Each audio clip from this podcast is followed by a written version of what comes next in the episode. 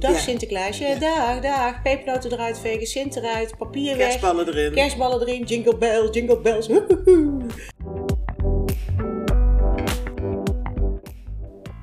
Heel hartelijk welkom bij de podcastserie van het Leiderschapscentrum van Onderwijs Maak Je Samen. Deze podcastserie heet Borrelend Leiderschap. We hopen met de onderwerpen je te inspireren, aan te zetten tot reflectie, het doen van zelfonderzoek. Professionele verwarring, inspiratie en haal eruit wat je nodig hebt voor je eigen leiderschapsontwikkeling. Mijn naam is Martje Bielars. Ik ben kerndocent bij het leiderschapsteam van Onderwijs Maak Je Samen. En mijn naam is Brigitte van Rossum. Ik ben ook kerndocent in de schoolleidersopleidingen en herregistratiemodules. En wij wensen jullie heel veel plezier met onze borrelende leiderschapspodcast. Hey Martje. Hey Brigitte, zitten we weer. We zouden het niet zeggen, we zeggen het toch. Ja, maar- Een soort ritueel hè? Precies. Nou, dat vind ik eigenlijk wel leuk om het over te hebben. Rituelen. We zitten nu in de decembermaand. Het kan natuurlijk best zijn dat je deze podcast helemaal niet in december luistert. Maar we zitten hem nu wel in december op te nemen. Ja. Een maand die barstens vol met rituelen zit. Kerstborrels, Sintvieringen, de gezelligheid en de drukte. Alles, de, een de soort Sinterklaas, oud en haat-liefde nieuw. ja. Hoe zit jij erin? Rituelen? Nou, bij mij wringt dat meestal. Ja? Ja, ik heb een soort van allergietje op, op rituelen. En zeker als er dan inderdaad mensen zeggen van... ja, maar dat doen we al 30 jaar zo... dan gaat er bij mij echt meteen acuut een hele grote alarmbel aan. Zo van, ja, oké, als je het al 30 jaar doet... dan kan dat dus onderhand ook wel anders. Ja, dat. En tegelijkertijd vind ik het soms ook wel gewoon lekker... om iets hetzelfde te doen als vorig jaar. Maar dan is het omdat ik het gewoon lekker vind... dat het dan makkelijker is of zo. Dus niet omdat ik per se aan dat ritueel zit. Maar is het dan een ritueel of is het een herhaling? Ja, voor mij is het dan een herhaling. Ik, ja, ik, volgens mij, maar misschien als we er dadelijk even wat verder over praten of zo. Volgens mij ben ik niet zo heel erg van de rituelen. Ik heb ook altijd gedacht dat rituelen niet helemaal mijn ding zouden zijn. En toch zitten er een aantal rituelen die ik hou daarvan. Daar word ik blij van. Op kerstavond met vriendinnen foute kerstfilms kijken. Een soort standaard ritueel. In de kerstvakantie Harry Potter. 1 tot en met eh Sint-Jutemus helemaal. Iedere keer een hele serie, keer, iedere de hele serie. Dus er, zit, er zit iets in rituelen. eh, wat ik, eh, de, de, Wat brengt jou dat dan? knusheid, koestering, gezelligheid.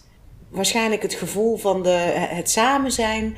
Dat is ook wat ik met, met, met eh, organisaties en rit- en rituelen vind. Bijvoorbeeld zo'n, met, je, met je bedrijf of met je school een, een, een kerstritueel. Het komt altijd op het punt dat je ongeveer denkt: ik loop op mijn tandvlees, ik ben wel toe aan een paar dagen vrij. En toch, zonder die kerstborrel, of zonder dat kerstdiner, of zonder dat kerstontbijt, is het ook wel een rare. Voor, voor mij Ja, maar een hoe rare... weet je dat dan? Want het gebeurt toch niet zonder? Nee, dus die, die hoort erbij. Ik vind het dus fijn, die hoort erbij. Ik zit je echt met grote ongelovige ogen aan te kijken. Kan natuurlijk helemaal niemand zien die een podcast luistert. Bij mij begint het dan een aantal dagen geleden. Dan zie ik overal ineens de lichtjes op gebouwen verschijnen en zo. En dan vind ik die lichtjes wel mooi. Maar het eerste wat dan ook in mij gebeurt is... Oh ja, het is weer zover.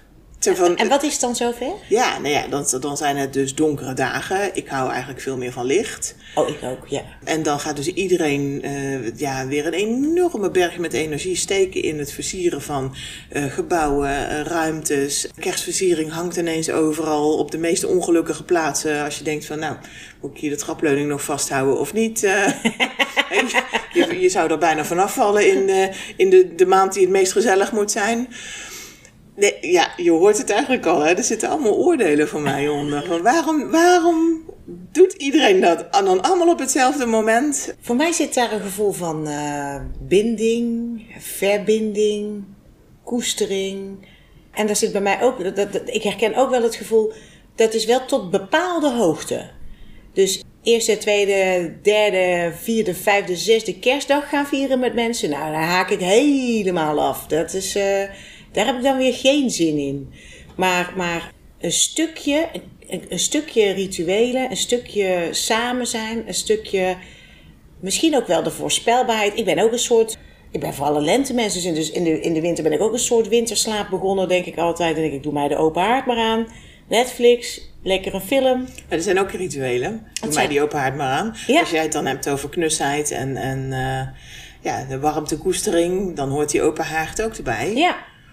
Wat ik al wel gedaan heb, ik ga naar de zon uh, deze winter, is wel alvast in november een paar kerstfilms gekeken. Ik denk, dan hoef ik die sneeuw niet te kijken.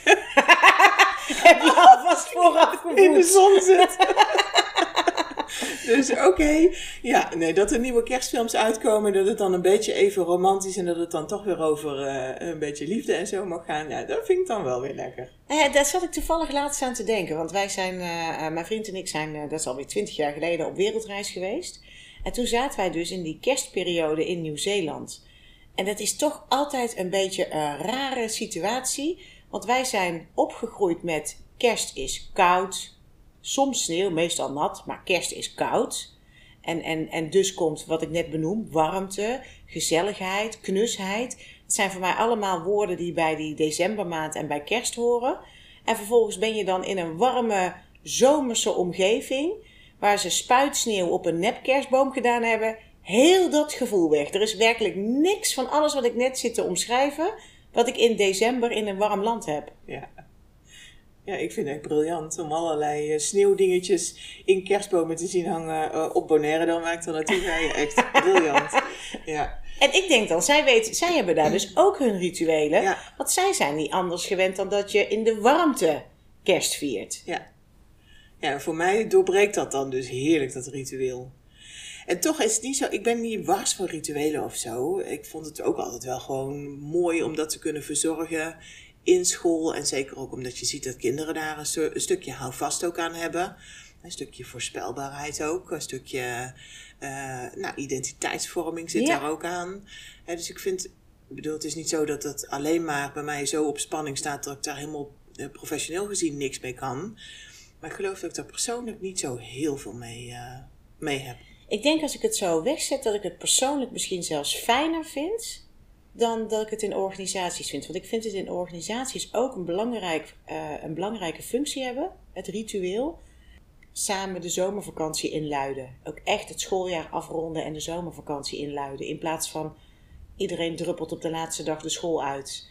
Dus ik vind dat fijn om dat, uh, dat, dat soort rituelen te hebben. Ik vind het ook mooi om dingen te vieren en trots te zijn. Dus mijlpalen te vieren, eh, dingen die je bereikt hebt. Dus dat soort rituelen van vieren vind ik heel mooi en trots zijn. Ja. Ik heb niet zoveel met de rituelen uh, die, maar dan kom je meer bij, ik weet niet hoe ik dat moet noemen. Ik heb niet zoveel met rituelen die dan doorslaan in we doen het altijd zo. Want dat sluit ook uh, iets af. Dus dan is er iets gestold in plaats van dat er nog ruimte is om iets te ontwikkelen. Maar ik weet niet of dat nou te maken heeft met een ritueel of dat het nou meer te maken heeft met gedrag. Ja, en wat ik ook wel mooi vind, is een, een ritueel echt voor dingen. Uh, jij zei het afsluiten, hè? een schooljaar bijvoorbeeld afsluiten. Maar ook gewoon echt iets afsluiten om te zorgen dat je ook niet blijft stapelen en dat alles altijd maar door blijft slepen. Ja. Alsof je er constant allemaal aandacht voor uh, moet blijven houden. Hè? Ja, dat zien wij natuurlijk. Wij zitten wel vaker samen ook bij uh, organisaties. waar dan, je ziet mensen komen en gaan. En sommige organisaties zijn bijna een duiventil. En daar geven mensen ook het aan van, ja, ik heb het gevoel dat ik, ja, ik mis mensen, want ze zijn weggegaan. En natuurlijk hebben ze een bosje bloemen gehad en, uh, en toch is er geen... Geen periode van rouw eigenlijk. Nee, uh, eigenlijk is het een soort rouw. Afscheid nemen van mensen met wie je heel fijn gewerkt hebt. Of afscheid nemen van een bepaalde periode dat de organisatie op die manier functioneerde. Dat was toen een antwoord op de vraagstukken die toen in de organisatie leefden. En dat mag je eren. Dat is mooi dat dat er geweest is. Dat historisch besef, dat mag je eren. Dat, was, dat diende ergens voor, dat was mooi. Maar daar mag je ook dus de tijd voor nemen om daar afscheid van te nemen. En dat doen mensen vaak niet. Dan stomen we meteen door naar iets nieuws of een nieuw en dan elan. zit je volledig in een periode van uh, dat eigenlijk niks meer is zoals het was. En je hebt nog niet gebouwd aan, aan iets nieuws waar dat je uh, nou ja, ook weer een stukje vertrouwdheid bij voelt. Dus zo'n overgangsperiode is dan ook nog eens een keer heel erg lastig. Ja. En als je dan al niet goed afscheid hebt genomen. Ja. En dan is het afscheid misschien wel goed geweest, hè? Gewoon het zichtbare afscheid. Ja. Maar het, het, emotionele afscheid, dat je daar jezelf ook de tijd misschien niet eens voor hebt gegeven. Ja, en dan, dan raak je heel erg dat uh, boven- en onderstroomverhalen. In organisatiekunde komt heel vaak, komen die woorden boven- en onderstroom komen terug. En de bovenstroom is al het zichtbare. Dus we hebben zichtbaar afscheid genomen en we hebben bos bloemen en er is een borrel geweest en er is. Maar uh, in de onderstroom een soort rouwgevoel hebben omdat iemand gaat, omdat, omdat je maatje weggaat of omdat iemand die veel voor je betekend heeft weggaat. Dat is een ander gedrag, is, er, is ook een ander gesprek. Dus dat, dat, dat vraagt ook om een andere, om een andere leiderschapsstijl. Het, het bovenstroom of onderstroom is een ander, een ander stukje van je leiderschap wat je aanboort. Ja, en het vraagt tijd. Ja. Een stukje vertraging. Ja, dat is ook een mooie. Dat is ook wel iets wat ik denk ik in ieder symbool uh, of ritueel vind zitten. Hè? Ja. Er zijn eigenlijk geen uh, snelle rituelen. Nee, dat klopt. Ja, en anders dan wil ik er denk ik niet van weten. Nee, ik kan ze zo niet zo snel benoemen. Een snel ritueel, nee, kan ik ook zo snel niet benoemen, nee. Dat is natuurlijk ook een functie, hè? Vertraging. Vinden we vaak lastig, hè? Hup en door.